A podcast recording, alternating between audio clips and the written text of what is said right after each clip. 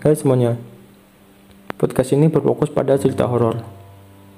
Jadi jika kalian mempunyai cerita horor, kalian dapat membagikannya melalui email, berupa teks atau voice note. Tapi jika kalian membagikannya berupa teks, saya akan menceritakannya dari sudut pandang si penulis. Jadi, selamat mendengarkan.